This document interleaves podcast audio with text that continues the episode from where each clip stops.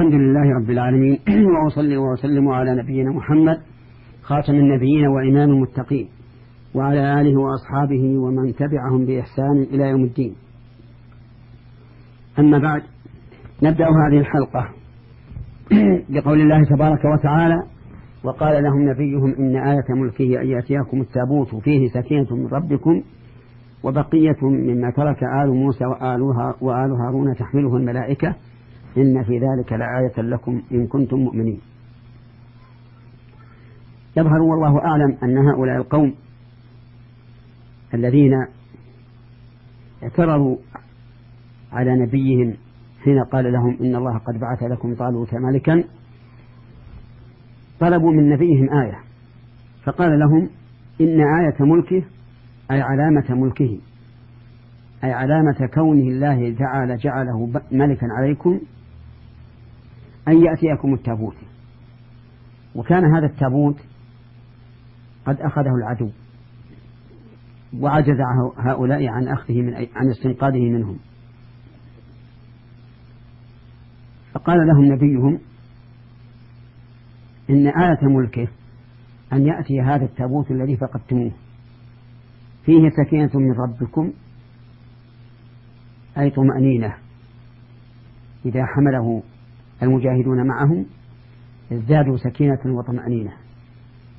وبقية مما ترك آل موسى وآل هارون من ميراث النبوة. ففيه السكينة وفيه العلم والتوجيه لبني إسرائيل. تحمله الملائكة لأن البشر لا يقدرون على أن يستنقذوه. من من عدو أكثر منهم عددا وأقوى منهم عددا عددا.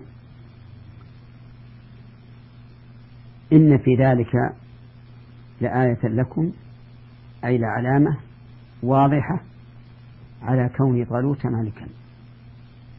إن كنتم مؤمنين. ففي هذه الآية فوائد منها أن كل دعوة لا بد فيها من بينة تظهر الحق وتبينه. ومنها أن البينة لا بد أن تكون مقنعة. يقتنع بها الخصم. ومن كان عنده شك. ومنها أن الله سبحانه وتعالى إذا جعل الآيات لملك لإثبات ملكه فإنه سبحانه وتعالى يجعل الآيات البينات للرسول لإثبات رسالته. ولهذا جاء في الحديث عن النبي صلى الله عليه وسلم أنه ما من نبي بعثه الله إلا آتاه الله من الآيات ما يؤمن على مثله البشر.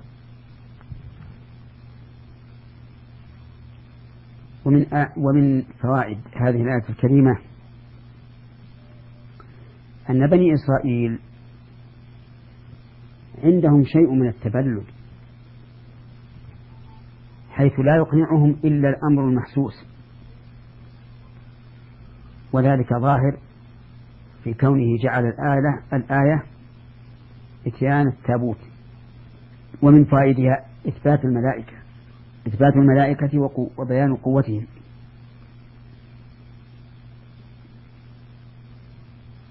وهذا أمر معلوم لما ذكر الله تبارك وتعالى من صفاتهم وأعمالهم.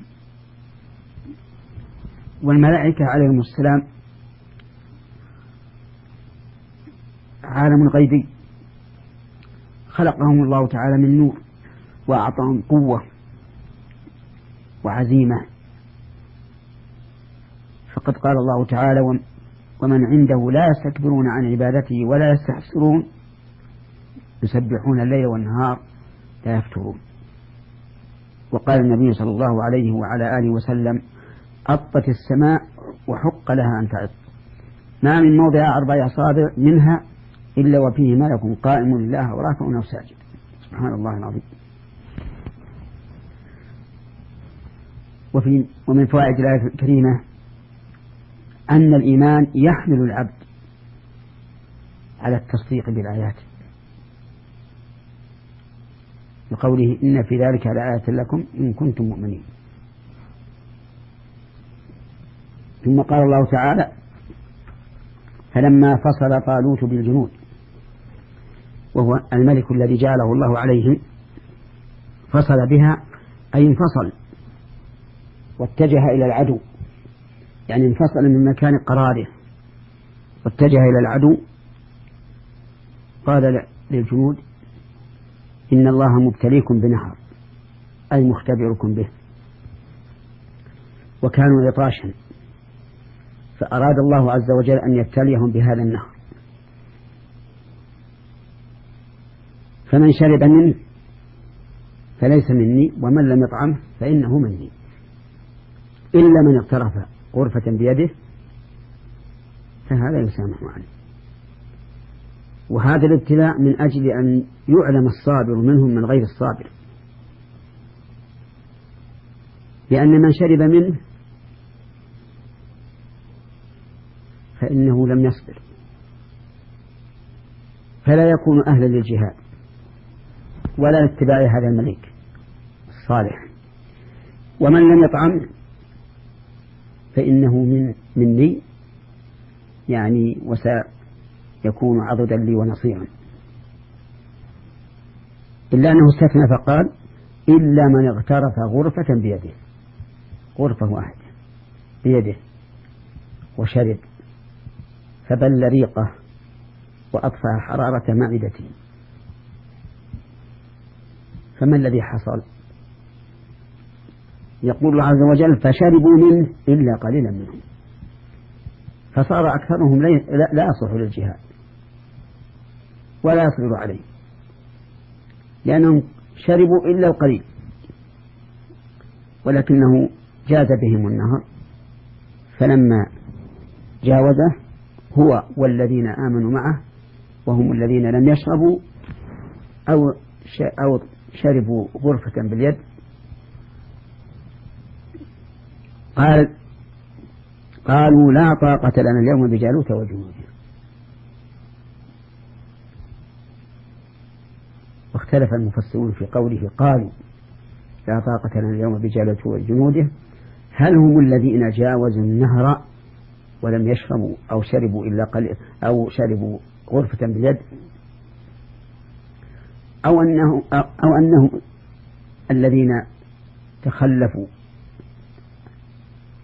عن امتثال الأمر وشربوا لأن الله سبحانه وتعالى لم يبين هل هؤلاء الذين شربوا جاوزوا ونكلوا عن الجهاد فيما بعد أو أنهم لم يجاوزوا. فاختلف المفسرون هل هم جاوزوا أو لا؟ فمنهم من قال إنهم جاوزوا وجعل هذا القول من أقوالهم ومنهم من قال إنه لم إنهم لم يجاوزوا وإنما الذي جاوز هم الذين لم يشربوا من النهر أو شربوا منه غرفة باليد. وأن هؤلاء الصابرين على العطش لما عبروا آه، جاوزوا النهر ورأوا العدو استكثروه واستقلوا أنفسهم. وقالوا لا طاقة لنا اليوم بجالوت وجنوده وانقسموا إلى قسمين. منهم من قال هذا الكلام لا ومنهم من قال كم من فئة قليلة غلبت فئة كثيرة فأدخلوا عليهم العزيمة والنشاط. وقالوا إن الكثرة لا يلزم منها الغلبة قد يغلب القليل الكثير. كم من فئة قليلة غلبت فئة كثيرة بإذن الله. والله مع الصابرين. فشجعوهم على الصبر ثم خاضوا المعركة. وإلى حلقة قادمة إن شاء الله. والسلام عليكم ورحمة الله وبركاته.